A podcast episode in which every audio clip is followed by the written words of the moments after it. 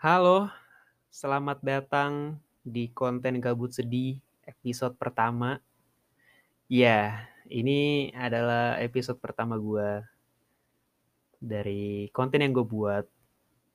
Dan di episode pertama ini gue lebih mau ngomongin kegelisahan gue aja belakangan ini. Sebelumnya perkenalkan, um, gue Zafran, gue laki, gue straight, dan fuck ini weird banget.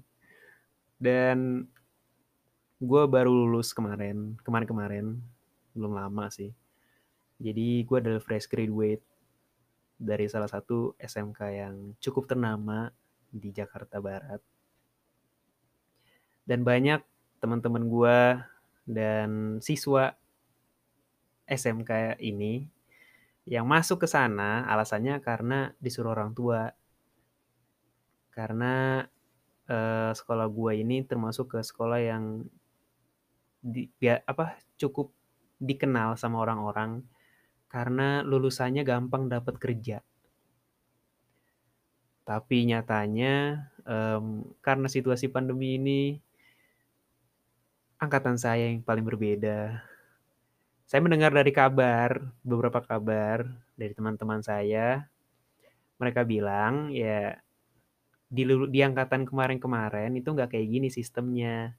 Di angkatan gue ini lebih kayak pas lulus tuh ya udah dilepas aja, nggak terlalu begitu diarahin. Uh, lu harus kerja di sini atau di mana gitu. Ya namanya udah terjadi takdir pandemi um, kita nggak bisa menyalahkan keadaan juga. Namanya udah begitu jalannya ya udahlah. By the way um, gue mau ngomongin soal kegelisahan gue sebagai fresh graduate yang belakangan ini lagi gue rasain. Kemarin-kemarin banyak temen gue yang datang ke gue tuh mereka minta saran atau mereka curhat ke gue mereka bilang enak banget ya dia udah kerja dari sebelum-sebelum lulus. Enak banget ya dia keterima di SNM di SBM enak banget ya dia dapat link dari ini dari ini. Ya pokoknya enak banget lah dia karena dia udah udah punya pencapaian. Sementara gue masih lontang lantung aja. Dan jawaban gue kebanyakan selalu bilang kayak gini ke mereka. Um, lu kayaknya nggak seharusnya menjadikan orang lain sebagai patokan untuk lu bahagia. Lebih baik lu membuat patokan bahagia untuk diri lu sendiri yang asalnya dari diri lu sendiri daripada lu menjadikan orang lain sebagai patokan untuk lu bahagia. Lu harus punya level lu sendiri gitu gue selalu bilang kayak gitu ke mereka ke teman-teman gue tapi nyatanya gue nggak bisa bohongin diri gue kalau gue pun juga merasakan itu sebenarnya. Gue pun juga ngerasa apa ya gue termasuk ke orang golongan orang-orang yang pas lulus di SMK gue um, belum dapat kerja nggak dan gue um, unfortunately nggak keterima di SBM dan SNM. Jadi gue masih termasuk ke golongan orang-orang yang sekarang ini lontang lantung. Dan jelas, gue pasti merasa kenal itu. Gue gak bisa bohongin diri gue. Tapi gue acuhin perasaan itu. Gue gak mau terlalu berlarut-larut dalam perasaan uh, di dalam perasaan itu. Karena gue punya prinsip kalau gue fair sama um, prinsip yang gue pegang ini. Kayak misalnya kalau emang ada kesempatan, ya gue usaha, gue coba pasti. Dan kalau misalnya dari usaha gue nggak membuahkan hasil, ya udah, mungkin memang bukan jalannya, sesimpel itu. Dan apa ya bukan ter bukan artinya gue pesimis juga sih enggak karena gue udah tahu gue berusaha gue maksimal apa uh, gue usaha dan gue nyoba sebisa mungkin dan ternyata hasilnya nggak sesuai yang gue harapkan ya mungkin memang bukan jalan gue di situ.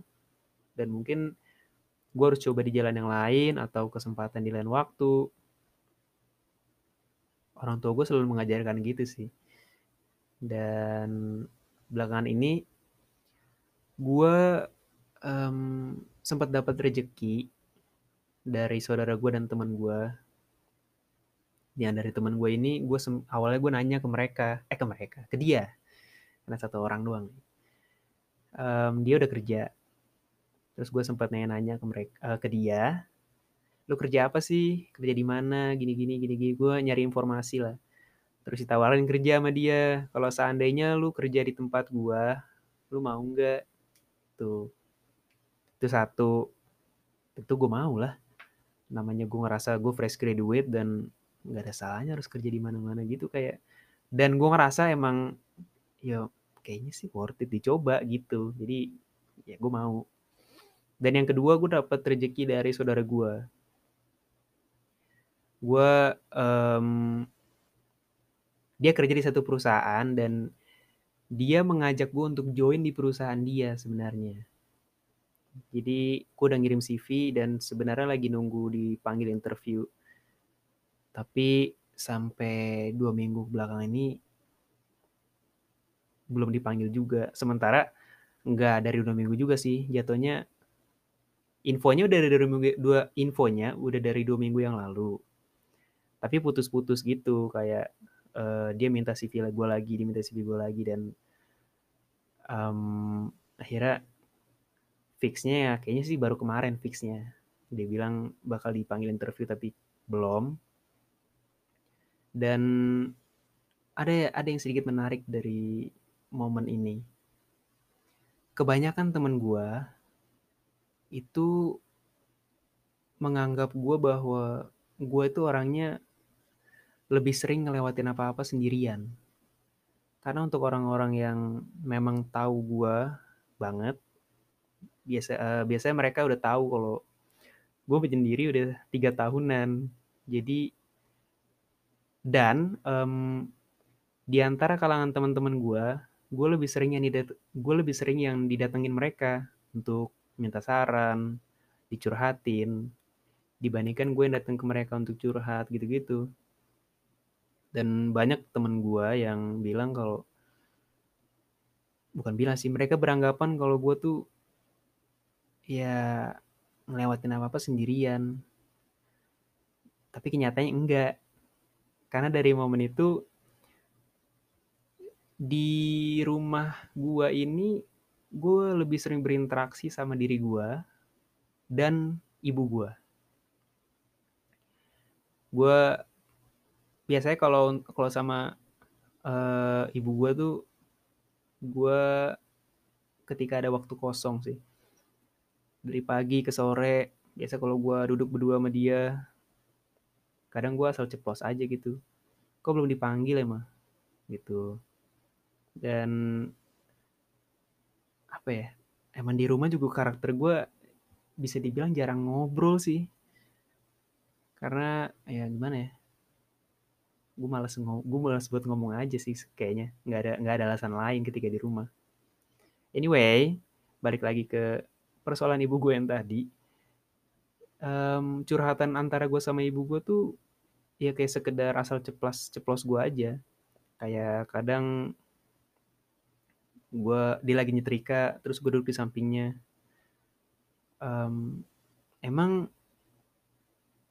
nyari cewek buat cowok nyari cewek itu susah ya kayak gitu. Dan nanti dia tanggepin kayak gitu-gitu aja. Asa apa lemparan-lemparan gue aja.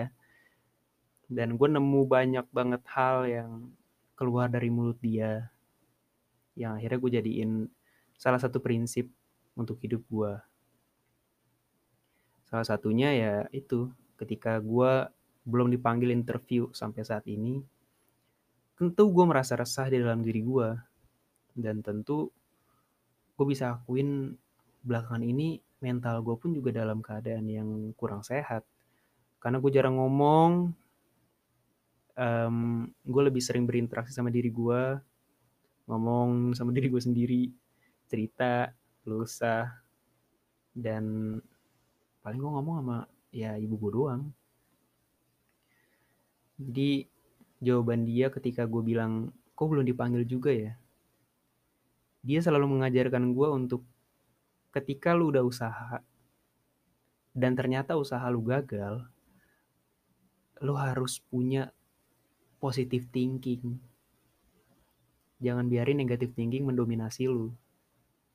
Kayak waktu itu dia bilang, mungkin kamu nggak gagal. Mungkin Tuhan ngarahin kamu ke jalan yang lain. Mungkin bisa jadi di situ. Atau kalau emang kamu udah usaha dan emang rezeki kamu, ya itu nggak bakal melewatkan kamu sih. Dia bilang mungkin perusahaannya itu kan perusahaan pal. Banyak banget orang yang daftar juga ke sana. Walaupun kamu di ibaratnya punya orang dalam kan saudara kamu tapi kan nggak cuma kamu doang yang daftar ke sana. Mungkin ada orang lain yang daftar dan mungkin dia duluan yang udah keterima. Dan kalau emang jalan kamu kinerja dia yang tadinya udah keterima kayak hmm, kayaknya kurang nih akhirnya HRD-nya inget oh iya saudara eh, Lydia nama saudara gue namanya Lydia. Oh ya Lydia waktu itu nawarin saudara ini nih mungkin dia kali ya gitu. Kalau emang itu udah jadi milik kamu itu gak bakal melewatkan kamu. Walaupun ini udah terlewat sekitar beberapa hari mungkin kamu udah ngerasa kayaknya gue gak bakal dipanggil deh. Tapi kalau emang udah milik itu bakal datang ke kamu dengan sendirinya dan banyak banget hal yang gue obrolin sama ibu gue dan akhirnya gue mendapatkan solusi dari situ dan pencerahan kalimat-kalimat yang akhirnya bisa sedikit menenangkan gue pada saat itu. Nggak cuman gue ngebahas tentang ngecurhatin tentang apa ya pekerjaan atau masalah asmara gue bahkan gue kan futsal nih. Gue ikut di liga liga U18 gue termasuk orang yang gak bisa apa-apa awalnya. Gue gak dipandang. Gue diremehin banget. Terus gue datang ke emak gue gue cerita. Dan apa ya? Dia bilang kalau kamu emang sungguh-sungguh kalau dari yang mama lihat sih ya kamu berubah. Dulu mau panggil kamu kaki meja karena kaki kamu kurus banget lurus kagak ada lakukannya. Sekarang kamu berubah. Semua itu pasti ada gilirannya. Nggak akan selamanya kamu di bawah. Apalagi kalau kamu suka sama hal itu dan kamu tekunin pasti akan ada saatnya kamu di atas banyak banget hal yang gue dapet dari celotehan-celotehan ibu gue yang kayaknya gue kadang berpikir dia sebenarnya sadar gak sih dia ngomong itu? Gitu.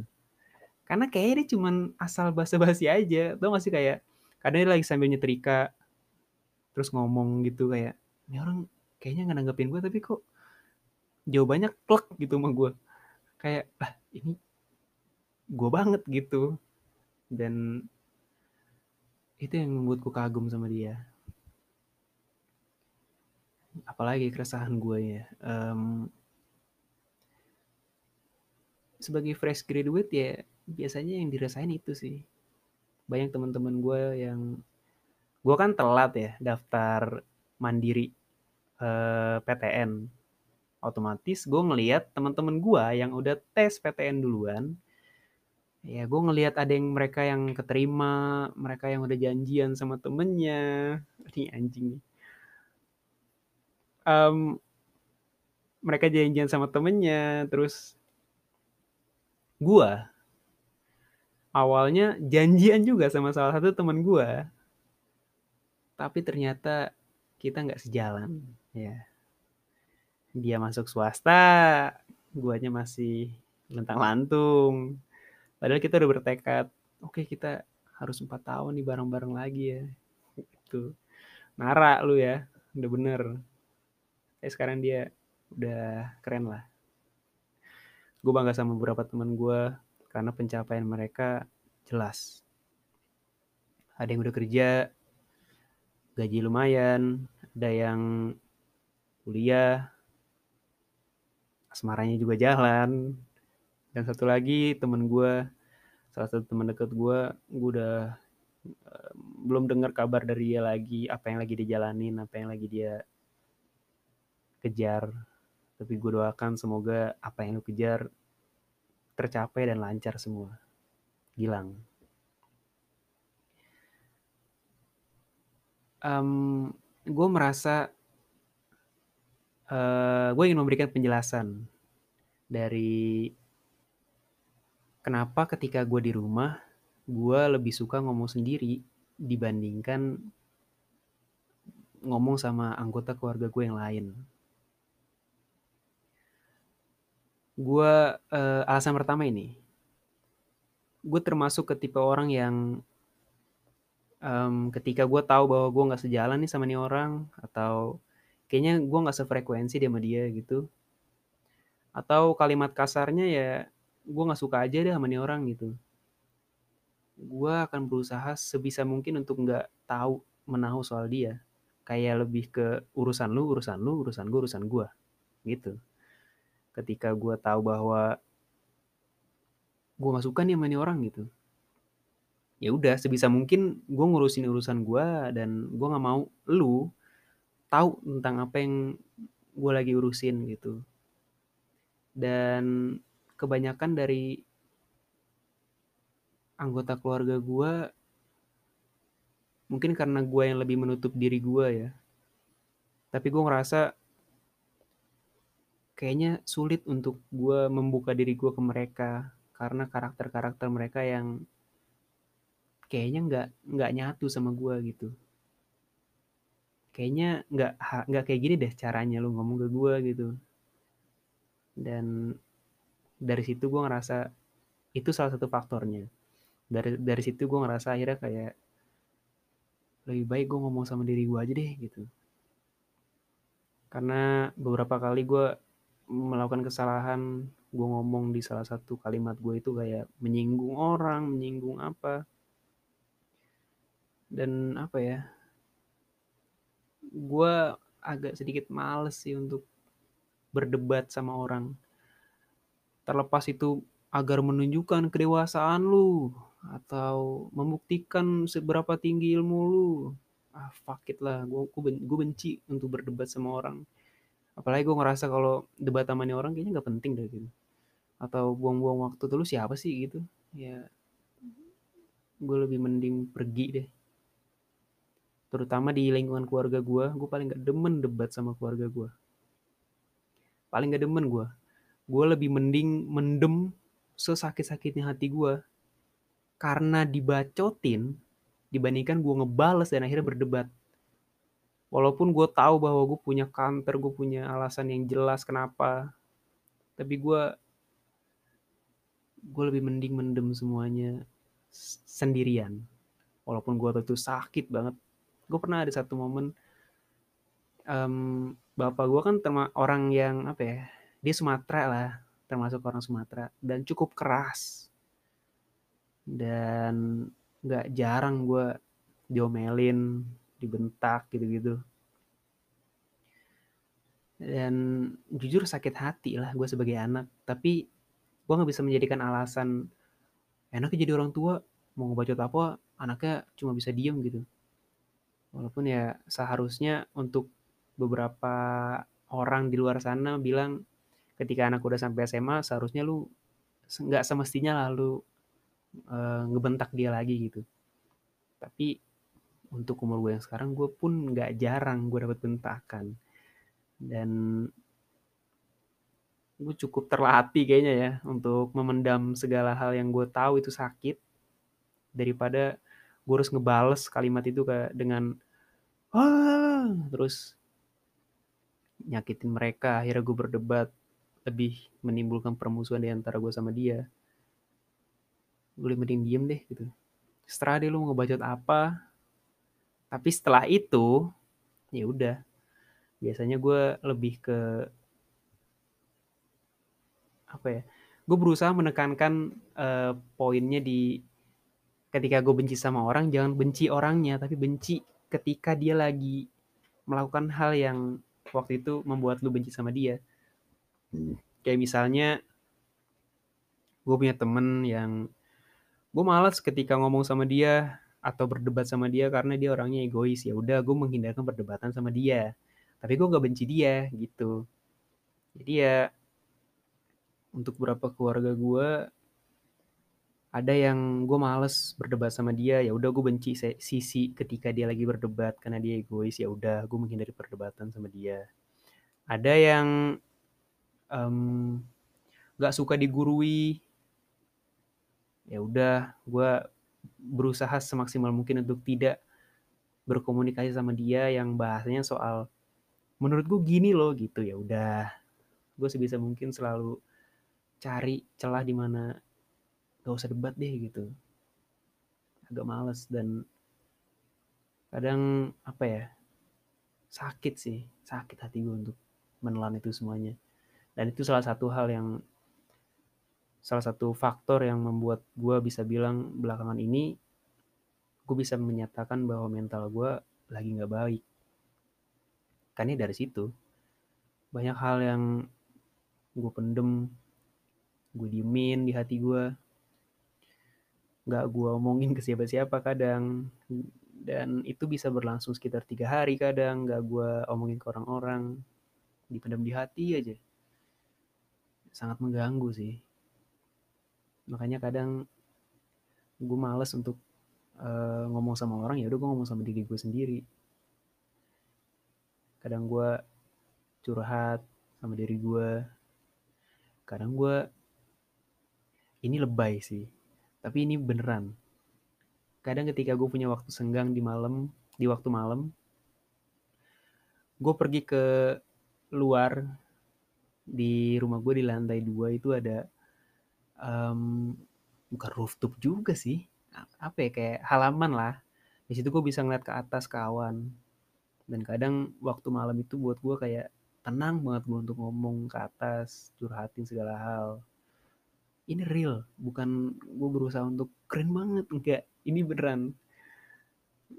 Dan gue mengakui ketika gue berusaha kenal sama orang bahwa gue freak ya gue random iya.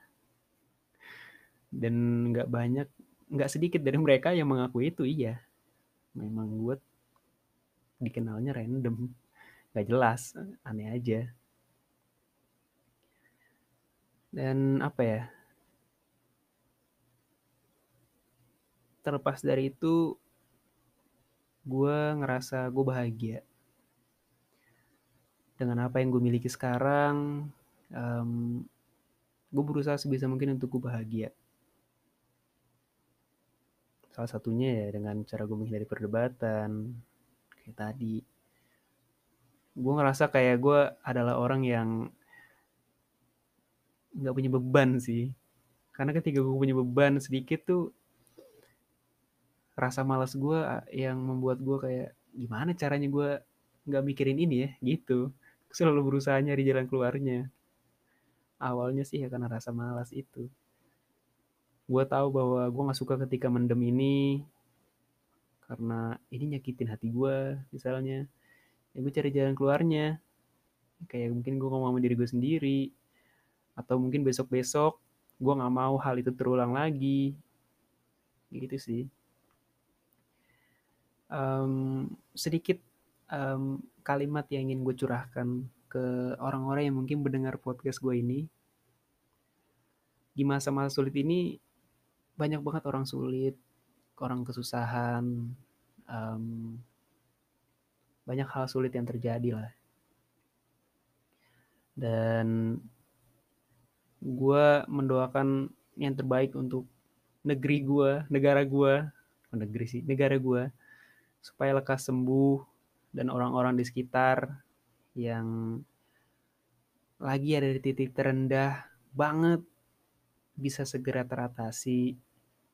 Dan sedih gue ngeliat ketika gue buka Twitter kan ngeliat berita-berita banyak artis-artis yang ngomel um, banyak pedagang yang karena apa karena pedagang-pedagang pada disuruh tutup dibentak-bentak sama aparat karena nggak mematuhi protokol sementara dia kalau nggak dagang mau makan apa sedih gue kejadian-kejadian yang belakangan ini nggak belakangan ini sih jauh sebelum ini terjadi di negeri gue di negara gue sedih sih gue melihatnya. Banyak banget hal-hal yang gak seharusnya terjadi di negara gue dan gue mendoakan yang terbaik ke negara gue semoga cepat sembuh agar tidak ada lagi orang-orang yang kesulitan. Walaupun itu mustahil karena pasti ada aja orang kesulitan dan untuk teman-teman gue um, selamat menjalani dunia baru. Um, dunia baru kalian dunia perkuliahan lah dunia kerja ya. Next episode mungkin gue bakal ngomongin tentang pengalaman pribadi gue atau uh, hal-hal yang lagi pengen gue omongin lainnya. Ya kita nggak tahu makasih udah ngedengerin podcast gue di episode pertama gue konten gabut sedih. Um, sampai jumpa di episode podcast selanjutnya. Dadah